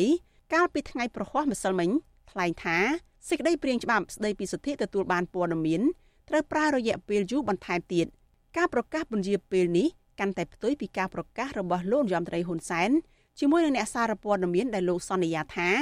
នឹងធ្វើច្បាប់ស្តីពីសិទ្ធិទទួលបានព័ត៌មាននេះឲ្យចេញ កាលពីចុងឆ្នាំ2020ចាលោកជីវតា មានសេចក្តីរាយការណ៍អំពីរឿងនេះសង្គមស៊ីវិលយល់ថាក្រសួងព័ត៌មានគួរឈប់ពន្យាពេលក្នុងការធ្វើច្បាប់ស្តីពីសិទ្ធិទទួលបានព័ត៌មានដើម្បីឲ្យអ្នកសារព័ត៌មាននិងប្រជាពលរដ្ឋមានសិទ្ធិពេញលេញក្នុងការទទួលបានព័ត៌មានពិតប្រតិកម្មនេះធ្វើឡើងបន្ទាប់ពីអ្នកនាំពាក្យក្រសួងព័ត៌មានលោកមាសសុភ័ណ្ឌថ្លែងក្នុងសន្និសីទសារព័ត៌មាននៅទីស្តីការគណៈរដ្ឋមន្ត្រីថ្ងៃទី1កញ្ញា ថាការរៀបចំនីតិវិធីក្នុងការពិនិត្យច្បាប់ស្តីពីសិទ្ធិទទួលបានព័ត៌មាន មានភាពស្មុគស្មាញនិងត្រូវការចំណាយពេលច្រើនលោកលើកឡើងថានៅក្នុងតំបន់អាស៊ីមានប្រទេសជាច្រើនមិនទាន់មានច្បាប់នេះនៅឡើយដែរលោកអះអាងថាមានប្រទេសខ្លះចំណាយពេលធ្វើច្បាប់នេះរហូតដល់4អាណត្តិដើម្បីរៀបចំច្បាប់នេះលោកមីសុភ័ណ្ឌបន្តអះអាងថាការប្រើពេលច្រើន គឺដោយសារត្រូវពិភាក្សាជាមួយក្រសួងពាក់ព័ន្ធ ហើយឲ្យសមស្របទៅនឹងក្រមព្រហ្មទណ្ឌផងដែរលោកមីសុភ័ណ្ឌបញ្ជាក់ថាក្រសួងនៅតែបន្តជំរុញនិងពន្លឿនទៅក្រសួងពាក់ព័ន្ធក្នុងការស្នើសុំអនុម័តសេចក្តីព្រាងច្បាប់នេះឲ្យបានឆាប់ច្បាប់សិទ្ធិទទួលព័ត៌មាននេះគឺបំរើទៅដល់សាធារណជនទូទៅមិនមែនសម្រាប់តែអ្នកសារព័ត៌មានទេ គឺប្រជាជនកម្ពុជា រួមទាំងជនបរទេសទៀត ដែលនឹងអាចស្នើសុំព័ត៌មានអញ្ចឹងដំណើរការនីតិវិធីនៃការរៀបចំតតែងច្បាប់ហ្នឹងគឺវាត្រូវចំការពិភាក្សាវាត្រូវការសិក្សាស្រាវជ្រាវ ដើម្បីឲ្យស្របទៅនឹងបរិបទសង្គមនយោបាយកាតព្វកិច្ចជាតិនិងអន្តរជាតិដែលកម្ពុជា មាន ហើយក៏ត្រូវឲ្យវាស្របទៅតាមនីតិវិធីនៃការរៀបចំតតែងឯកសារគតិយុត្តផងដែរទី2ច្បាប់នេះគឺយើងមានការ បើកឲ្យមានការពិគ្រោះយោបល់ច្រើនណារហូតមកដល់ថ្ងៃហ្នឹងក៏នៅតែមានការពិគ្រោះយោបល់ទៅលើច្បាប់ហ្នឹងដែរទោះជាយ៉ាងណានាយកប្រតិបត្តិសមាគមសម្ព័ន្ធអ្នកសារព័ត៌មានកម្ពុជាហៅកាត់ថាកម្ពុជាលោកណុកវីលើកឡើងថារដ្ឋាភិបាល បានចំណាយពេលជាង7ឆ្នាំហើយក្នុងការរៀបចំសេចក្តីព្រាងច្បាប់នេះលោកបន្តថាវាល្មមដល់ពេលហើយដែលរដ្ឋាភិបាលពន្លឿនដើម្បីបញ្ចប់ច្បាប់ស្តីពីសិទ្ធិទទួលបានព័ត៌មាននេះ ហើយដាក់ជូនទៅរដ្ឋសភា ដើម្បីពិភាក្សាបន្តនិងអនុម័តលោកថាកន្លងមកក៏មានការចូលរួមពិនិត្យពិភាក្សាពីសង្គមស៊ីវិលនិងក្រសួងពាក់ព័ន្ធជាបន្តបន្ទាប់រួចហើយដែរ។ នៅក្នុងដំណើរការនៃការអនុម័តច្បាប់ហ្នឹងបើសិនជាយើងឃើញថានៅតែបន្តអូសបន្លាយហើយតែខាងក្រសួងនៅតែលើកឡើងថាច្បាប់ផ្សេងទៀតវាមានភាពចាំបាច់ជាងខ្ញុំគិតថាបើសិនជាយើងពិនិត្យលើច្បាប់ស្ដីពីសិទ្ធិទទួលព័ត៌មាននេះវាចាំបាច់សម្រាប់ប្រជាពលរដ្ឋវាទោះបីជារដ្ឋាភិបាលគាត់មានកាតព្វកិច្ចនៅក្នុងការផ្ដល់ព័ត៌មានក៏ប៉ុន្តែយើងដឹងហើយថានៅក្នុងស្ថានភាពនៅពេលបច្ចុប្បន្ននេះបើសិនជាប្រជាពលរដ្ឋមិនទទួលបាននៅព័ត៌មានពិតហ្នឹងគឺថាពួកគាត់មិនអាចយកព័ត៌មានទាំងអស់ហ្នឹងទៅធ្វើការចូលរួមឬមួយក៏ផ្ដល់យោបល់ប្រកបដោយការស្ថាបនាទៅដល់រដ្ឋាភិបាលទេដូច្នេះច្បាប់ហ្នឹងវាមានការចាំបាច់ណាស់នៅក្នុងស្ថានភាពនៅក្នុងពេលបច្ចុប្បន្ននេះដើម្បីធានាឲ្យមានការចូលរួមប្រកបដោយការស្ថាបនារបស់ប្រជាពលរដ្ឋនៅក្នុងសង្គមប្រជាធិបតេយ្យបាទកាលពីខែមករាឆ្នាំ2020លោកនាយករដ្ឋមន្ត្រីហ៊ុនសែនបានបដិញ្ញានៅចំពោះមុខអ្នកសារព័ត៌មានប្រមាណ6000នាក់ថាលោកនឹងជំរុញឲ្យច្បាប់ស្ដីពីសិទ្ធិទទួលបានព័ត៌មាន ចេញជារូបរាងនៅត្រឹមដំណាច់ឆ្នាំ2020បន្ទាប់ពីសេចក្តីព្រាងច្បាប់នេះត្រូវបានពិភាក្សាអស់រយៈពេលជាច្រើនឆ្នាំមកប៉ុន្តែឥឡូវនេះជិតចូលដល់ឆ្នាំ2023ហើយទើបក្រសួងព័ត៌មានចេញមកប្រាប់ថាត្រូវការពេលវេលាថែមទៀតជាច្រើនឆ្នាំកន្លងមកនេះសង្គមស៊ីវិលនិងអង្គការ UNESCO បានជំរុញឲ្យរដ្ឋាភិបាលអនុម័តច្បាប់ស្តីពីសិទ្ធិទទួលបានព័ត៌មានដែលមានសារៈសំខាន់សម្រាប់អ្នកសារព័ត៌មាន ប្រជាពលរដ្ឋនិងរដ្ឋាភិបាលខ្លួនឯងផង អង្គការ UNESCO ក៏បានចំណាយថវិកាអស់ជាច្រើនឧបត្ថម្ភគ្រប់គ្រងដល់ដំណើរការពិភាក្សានិងការរៀបចំតាក់តែងសេចក្តីព្រាងច្បាប់ស្តីពីសិទ្ធិទទួលបានព័ត៌មាននេះផងដែរច្បាប់ស្តីពីសិទ្ធិទទួលបានព័ត៌មាន មានសារៈសំខាន់ខ្លាំងសម្រាប់ប្រជាពលរដ្ឋខ្មែរនិងសង្គមជាតិទាំងមូលបច្ចុប្បន្ន ប្រជាពលរដ្ឋកម្ពុជានៅមិនទាន់ទទួលបានគ្រប់គ្រាន់នៅព័ត៌មានសំខាន់សំខាន់និងចាំបាច់សម្រាប់ជីវិតរស់នៅរបស់ពួកគេនៅឡើយទេ កង្វះព័ត៌មានពិតពីគម្រោងវិនិយោគនិងគម្រោងអភិវឌ្ឍហេដ្ឋារចនាសម្ព័ន្ធនានាអាចប៉ះពាល់ដល់ការសម្រេចចិត្តនានារបស់ប្រជាពលរដ្ឋនិងមុខរបរអាជីវកម្មដែលនាំឲ្យការប្រកួតប្រជែងមិនស្មើភាពគ្នា ហើយករណីគម្រោងវិនិយោគឬការអភិវឌ្ឍទាំងនោះប៉ះពាល់ដល់ប្រយោជន៍សាធារណៈ ដែលពលរដ្ឋគួរដឹងឮពីគ្រោះយោបល់និងចូលរួមក្នុងការសម្រេចចិត្តដោយសារតែកង្វះព័ត៌មានពីព្រោះក្រសួងពាក់ព័ន្ធមិនផ្ដល់ព័ត៌មានពិតដល់អ្នកសារព័ត៌មាននិងប្រជាពលរដ្ឋនោះប្រជាពលរដ្ឋនឹងងាយរងគ្រោះពីការទាមទារសំណូកនៅពេលពួកគេប្រើប្រាស់សេវាសាធារណៈផងដែរលើសពីនេះដោយសារមិនទទួលបានទិន្នន័យពីថវិកាសាធារណៈប្រជាពលរដ្ឋមិនអាចដឹង ឬកំណត់ថាតើថវិការបស់រដ្ឋាភិបាល នឹងត្រូវចាត់ចែងទៅតាមអតិភិបដែលពួកគេត្រូវការដែរឬយ៉ាងណា មានករណីជាច្រើនទៀតដែលកង្វះព័ត៌មាននិងការចូលរួមជាសាធារណៈធ្វើឲ្យប្រជាពលរដ្ឋប្រឈមនឹងឧបសគ្គបន្ថែមទៀតគឺងាយនឹងរងគ្រោះពីការរំលោភសិទ្ធិនិងសិទ្ធិទទួលបានយុត្តិធម៌ខ្ញុំជីវិតាអាស៊ីសេរីលោកអ្នកនាងកញ្ញាប្រិយមិត្តជាទីមេត្រីចាប់ព័ត៌មានតកតនឹងការការពារធនធានព្រៃឈើនៅក្នុងតំបន់ព្រៃឡង់វិញម្ដង ចាសកម្មជនការពារបរិស្ថាននិងប្រជាសហគមន៍ការពារព្រៃឡង់កំពុងរងចាំមើលដោយយកចិត្តទុកដាក់ចំពោះចំណាត់ការរបស់ក្រសួងការពារជាតិករណីមន្ត្រីអាវុធហត្ថលើផ្ទៃប្រទេសម្នាក់ជាប់ពាក់ព័ន្ធអាជីវកម្មឈើខុសច្បាប់នៅក្នុងដែនជម្រកសត្វព្រៃព្រៃឡង់សកម្មជនការពារបរិស្ថាននិងប្រជាសហគមន៍ការពារព្រៃឡង់សង្កេតឃើញថាអាជ្ញាធរកំពុងចាត់វិធានការច្បាប់លើមន្ត្រីកងរាជអាវុធហត្ថម្នាក់លោកចាប់សរនប៉ុន្តែ អាជ្ញាធរមិនបានបញ្ឈប់សកម្មភាពកាប់បំផ្លាញឈើទ្រង់ទ្រាយធំ នៅក្នុងដែនជម្រកសត្វព្រៃឡង់នោះទេកាលពីថ្ងៃទី19ខែសីហារដ្ឋលេខាធិការក្រសួងការពារជាតិលោកនាងផាត បានស្នើរដ្ឋមន្ត្រីក្រសួងកសិកម្មលោកវែងសខុនចាត់ឲ្យលោកចាប់សារ៉នជាមន្ត្រីអាវុធហត្ថលើផ្ទៃប្រទេស បង្ហាញភ័ស្តុតាងពីការប្រមូលឈើនិងលក់ឈើក្នុងដែនជម្រកសត្វព្រៃឡង់ហើយត្រូវបង្ហាញខ្លួន តាមការកោះហៅរបស់សមត្ថកិច្ច អ្នកសម្របសម្រួលបណ្ដាញសហគមន៍ការពារព្រៃឡង់លោកស្រីថៃ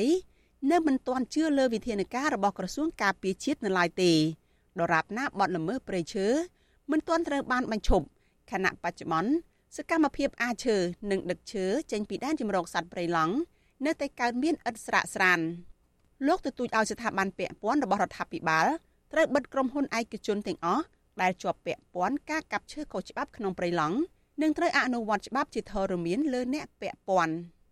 រដ្ឋាភិបាលលុបចោលអាជ្ញាប័ណ្ណក្រុមហ៊ុនណាដែលអោយបត់ធ្វើជោគកូនក្រុមក្រុមហ៊ុននោះឲ្យទៅលុបចេញអាជ្ញាប័ណ្ណនោះមិនត្រូវវាដោយសារតែពួកក្រុមហ៊ុននោះបានទៅផ្លេទៅកាប់ឈើក្នុងពេលឡងបានគាត់នឹងបឹកចំហសេរីភាពឲ្យប្រជាពលរដ្ឋយើងនឹងបានទូលបាតពេលសាឡើងនៅវិញមកវិទ្យុអាស៊ីសេរីនៅមិនទាន់អាចតាក់ទងแนะនាំពាក្យកងរាជអាវុធហត្ថលើផ្ទៃប្រទេសលោកអេងហ៊ី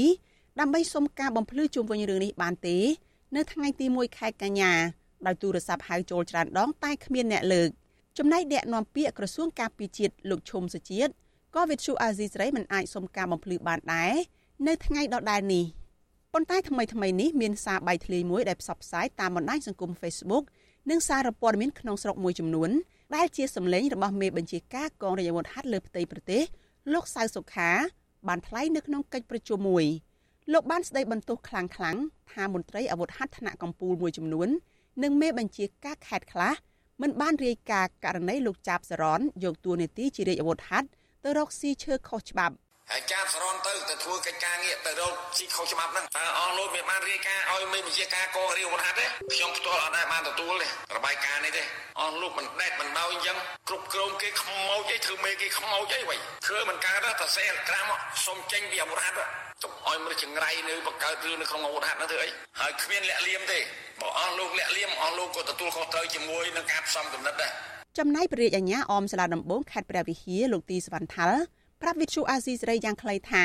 សំណុំរឿងបទល្មើសព្រៃឈើ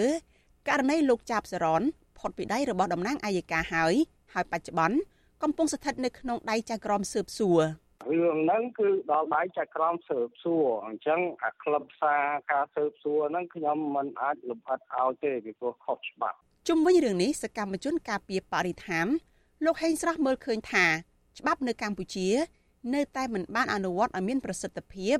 តាក់ទងនឹងបទល្មើសព្រៃឈើនៅឡើយទេលោកថារដ្ឋាភិបាលគួរតែបញ្ឈប់ចេញលិខិតអនុញ្ញាតនាំឈើចេញទៅក្រៅប្រទេសនិងត្រូវបិទក្រុមហ៊ុនឯកជនទាំងអស់ដែលធ្វើអាជីវកម្មនៅជុំវិញតំបន់ព្រៃឡង់ដើម្បីសុវត្ថិភាពព្រៃឈើដែលនៅសេសសល់។ យើងមើលឃើញថាអាជ្ញាធរប្រទេសកម្ពុជាមិនដែលឃើញអនុវត្តចូលទៅលើជនដែលប្រព្រឹត្តទាំងអស់ហ្នឹងទេក្នុងឆ្នាំ2018ឆ្នាំ2019ក៏ដូចគ្នាក្រមឈ្មោះទាំងអស់ហ្នឹងបែរជាបែរក្បាលត្រឡប់មករកស៊ីការកម្លាំងព្រៃឈើដោយដើមវិញហើយការអនុវត្តច្បាប់ទៅលើអ្នកដែលប្រព្រឹត្តហ្នឹងបែរជាមិនមានគ្រាន់តែជាឆាកល្ខោនមួយធ្វើឲ្យតែល្អមើលក្រុមស្នូលបណ្ដាញសហគមន៍ការពារព្រៃឡង់ខេត្តព្រះវិហារអះអាងថាក្រុមហ៊ុនវៀតណាម PNT និងក្រុមហ៊ុន Macor Logistics កំពុងព្រួតដៃគ្នា ធ្វើអាជីវកម្មឈើទ្រង់ទ្រាយធំ ចេញពីដែនជម្រកសត្វព្រៃឡង់ដោយប្រើប្រាស់រទេះក្របីជំនួសគោយន្តឆ្នៃដើម្បីងាយស្រួលប្រមូលឈើដែលមានមុខកាត់ធំធំ ចេញពីតំបន់អភិរក្សនេះនៅរដូវវស្សាលើសពីនេះក្នុងមួយថ្ងៃមួយថ្ងៃពួកគេថាមានរទេះក្របី12គ្រឿងនិងគោយន្តយ៉ាងហោចណាស់20គ្រឿងដឹកឈើចេញពីព្រៃឡង់ជាច្រើនម៉ែត្រគូបមកស្តុកទុកក្នុងបរិវេណក្រុមហ៊ុនវៀតណាម PNT ស្ថិតនៅក្នុងឃុំរៀបរយ ស្រុករវៀងខេត្តព្រះវិហារវិទ្យុអាស៊ីសេរីនៅមិនទាន់អាចតាក់ទងសុំការបំភ្លឺរឿងនេះពីតំណាងក្រុមហ៊ុនវៀតណាម PNT និងក្រុមហ៊ុន Macor Logistics បាននៅឡើយទេចំណែកឯមន្ត្រីកងរាជអាវុធហត្ថលើផ្ទៃប្រទេសលោកចាបសរនដែលរងការចោទថាជាមេការឲ្យក្រុមហ៊ុនវៀតណាម PNT ធ្លាប់បដិសេធថាលោកមិនពាក់ព័ន្ធនឹងអាជីវកម្មឈើទាំងនេះទេបណ្ដាញក្រុមស្នូលការពីប្រៃឡង់បន្ថែមថាប្រទេសក្របី ដែលក្រុមជនល្មើសកំពុងដឹកជញ្ជូនឈើចេញពីព្រៃឡង់បង្កភាពងាយស្រួលជាងគោយន្តនិងរថយន្តកែច្នៃហើយអាចដឹកឈើតាមផ្លូវវាងបត់បែនតាមដងព្រៃនៅរដូវវស្សារីឯឆ្មាំអភិរក្សរបស់ក្រសួងបរិស្ថាន ដែលឈរជើងយាមព្រៃទាំងនោះមិនអើពើបង្ក្រាបបទល្មើសព្រៃឈើទាំងនោះទេប៉ុន្តែបានរារាំងអ្នកការពារព្រៃឈើមិនឲ្យចូលព្រៃអភិរក្សជិត3ឆ្នាំមកហើយ។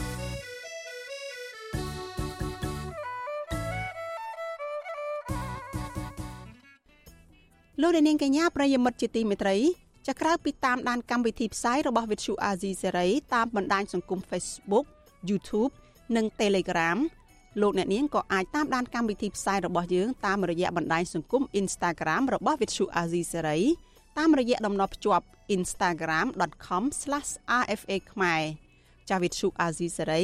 ខិតខំផ្សព្វផ្សាយព័ត៌មានពិតទៅកាន់លោកអ្នកនាងតាមបណ្ដាញសង្គមផ្សេងៗនិងសម្បូរបែប ដើម្បីឲ្យលោកអ្នកនាងងាយស្រួលតាមដានការផ្សាយរបស់វិទ្យុអាស៊ីសេរីបានគ្រប់ពេលវេលា និងគ្រប់ទីកន្លែង តាមរយៈទូរស័ព្ទដៃរបស់លោកអ្នកនាង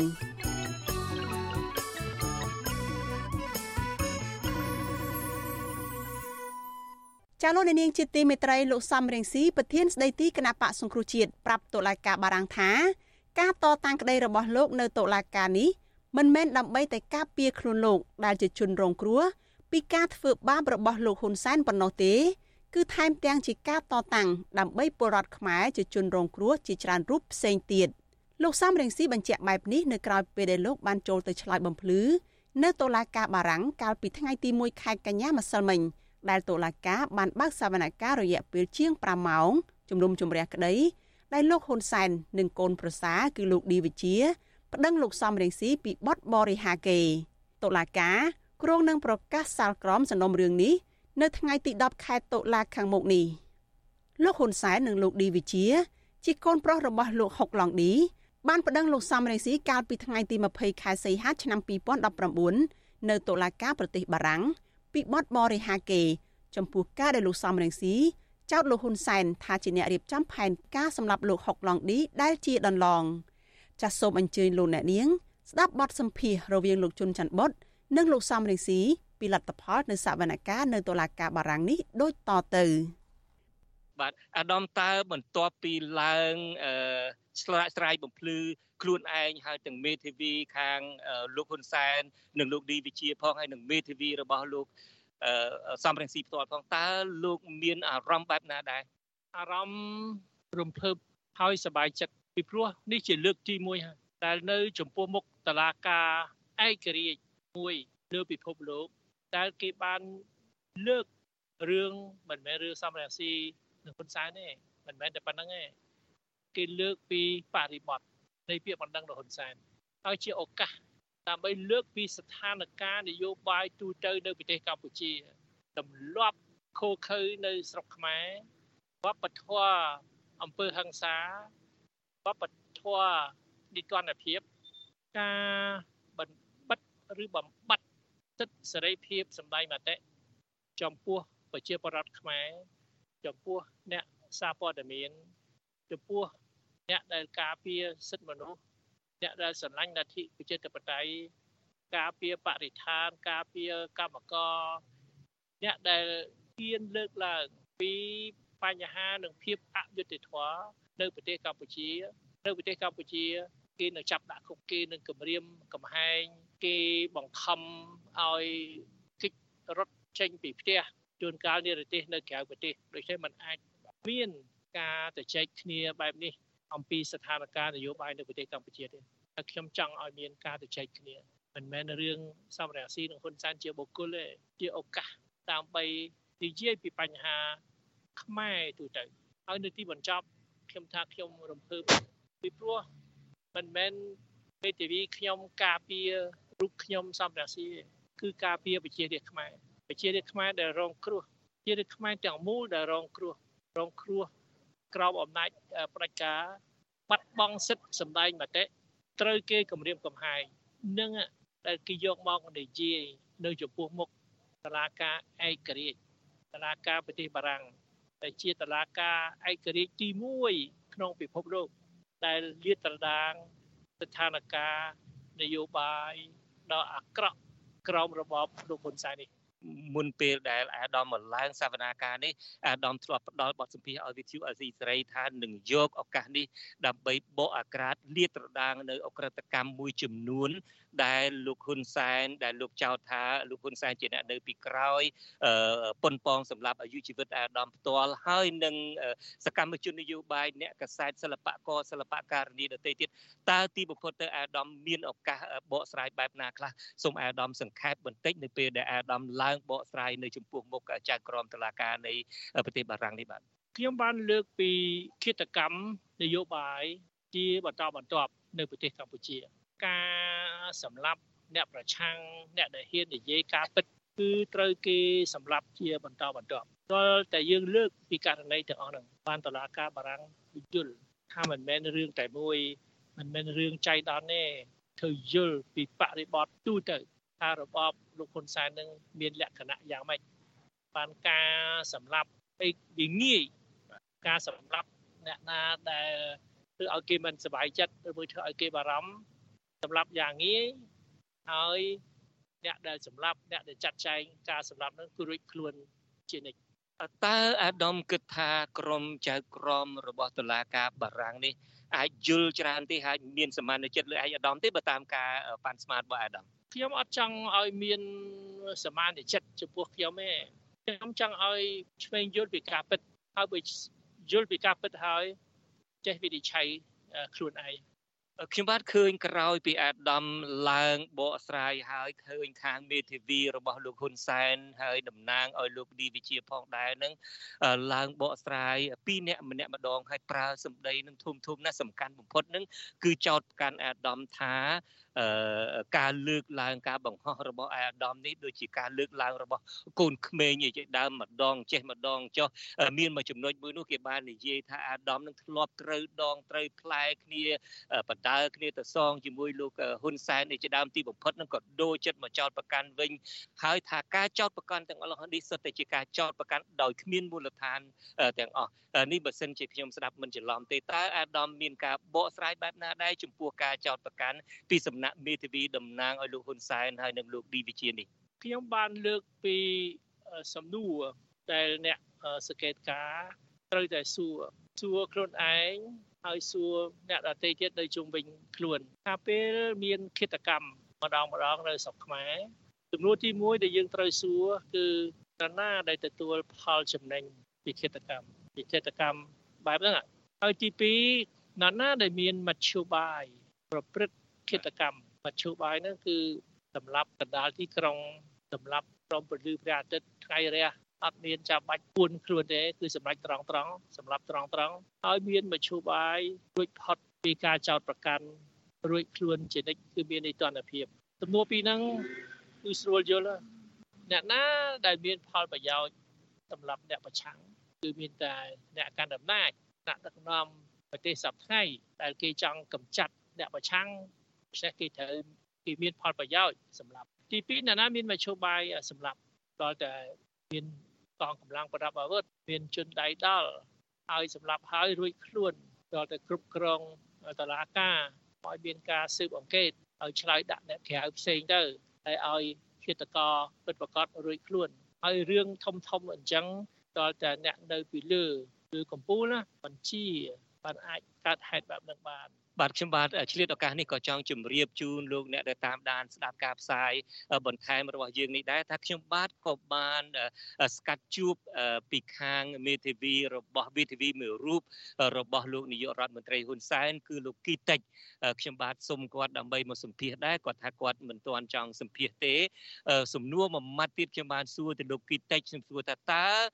លោកគិតថារឿងក្តីនេះអាចមានសង្ឃឹមទេអាចលោក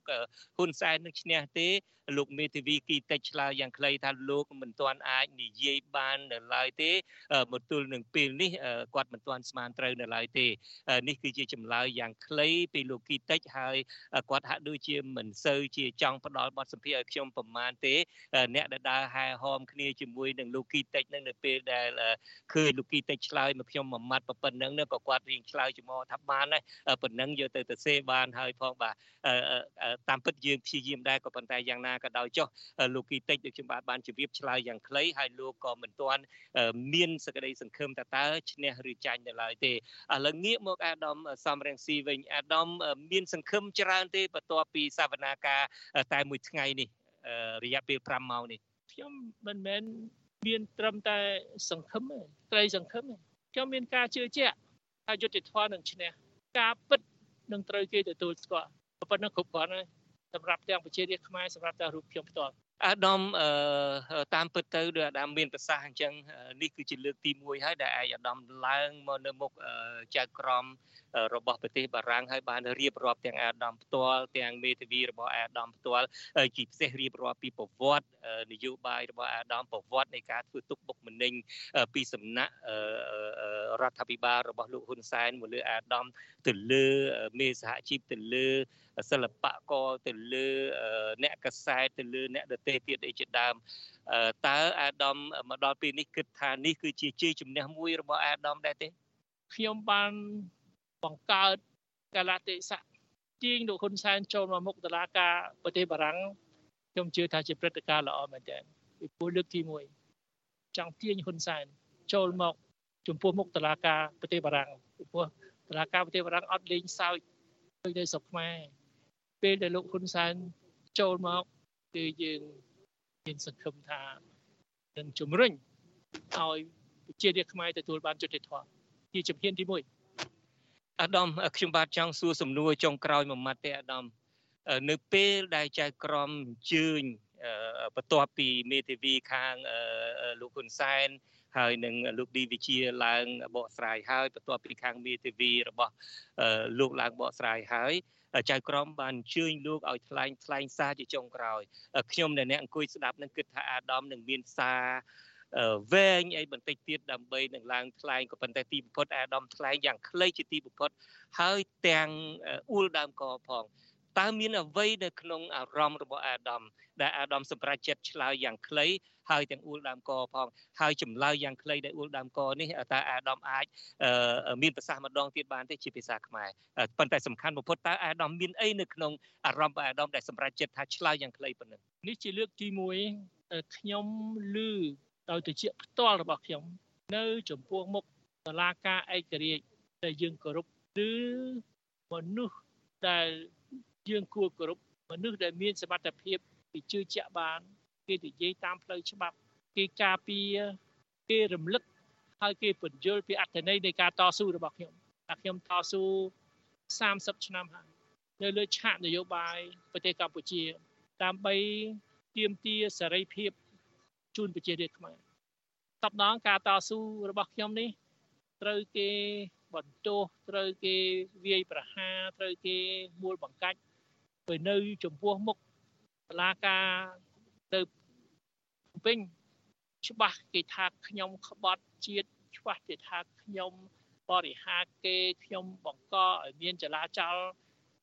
គ្រប់បែបយ៉ាងច្បាស់គេគេជន់បណ្ឌិតខ្ញុំហើយទៅនៅតុលាការទីក្រុងភ្នំពេញហើយខ្ញុំដឹងហើយគេកាត់ទោសខ្ញុំប្រឈមមុខគឺក្នុងបរិយាកាសបែបហ្នឹងការនេះជាលើកទី1ដែលគេលើកដំកើងគេឲ្យតម្លៃ ដល់ការតស៊ូរបស់ខ្ញុំដូច្នេះគេមិនមែនការពារតែសំរាស៊ីទេពីព្រោះខ្ញុំតស៊ូនោះគឺដើម្បីប្រជាជាតិខ្មែរព្រោះឲ្យតម្លៃមកការតស៊ូរបស់ខ្ញុំគឺចាប់ផ្ដើមការពារប្រជាជាតិខ្មែរដែរគឺចាប់ផ្ដើមជួយឲ្យប្រជារាស្ត្រខ្មែរបានទទួលយុត្តិធម៌អរគុណអាដាមហើយសង្ឃឹមថាអាដាមនឹងបានលទ្ធផលល្អនៅក្នុងរឿងក្តីក្តាមនេះបាទសូមជម្រាបលាតែត្រឹមនេះបាទលោកអ្នកនាងកញ្ញានិងប្រិយមិត្តជាទីមេត្រីលោកអ្នកទើបតែបានស្ដាប់បទសម្ភាសន៍រវាងលោកជុនច័ន្ទបុត និងលោកសំរងស៊ីពីលទ្ធផលនៃសវនកម្មនៅតុលាការបារាំងតាក់ទងនឹងបណ្ដឹងបរិហាកេលោកហ៊ុនសែន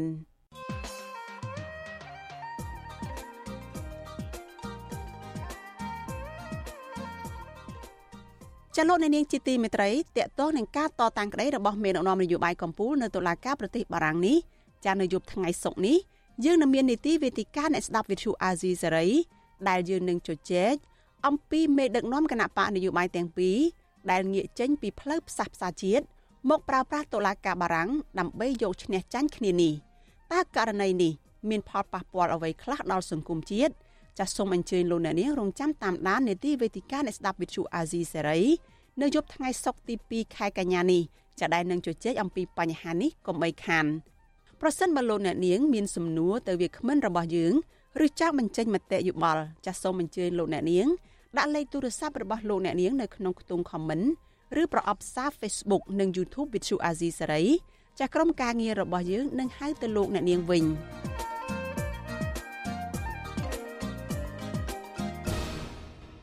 លោកអ្នកនាងកញ្ញាប្រិយមិត្តជាទីមេត្រីចាការផ្សាយរយៈពេល1ម៉ោងរបស់វិទ្យុអាស៊ីសេរីជាភាសាខ្មែរនៅព្រឹកនេះចប់ត្រឹមតែប៉ុណ្ណេះចានាងខ្ញុំសុជីវី ព្រមទាំងក្រុមការងារទាំងអស់នៃវិទ្យុអាស៊ីសេរីចាសូមជូនពរដល់លោកអ្នកនាងកញ្ញានិងក្រុមគ្រួសារទាំងអស់ឲ្យជួបប្រកបតែនឹងសេចក្តីសុខចម្រើនរុងរឿងកុំបីឃ្លៀងឃ្លាតឡើយចានាងខ្ញុំសូមអរគុណនិងសូមជម្រាបលា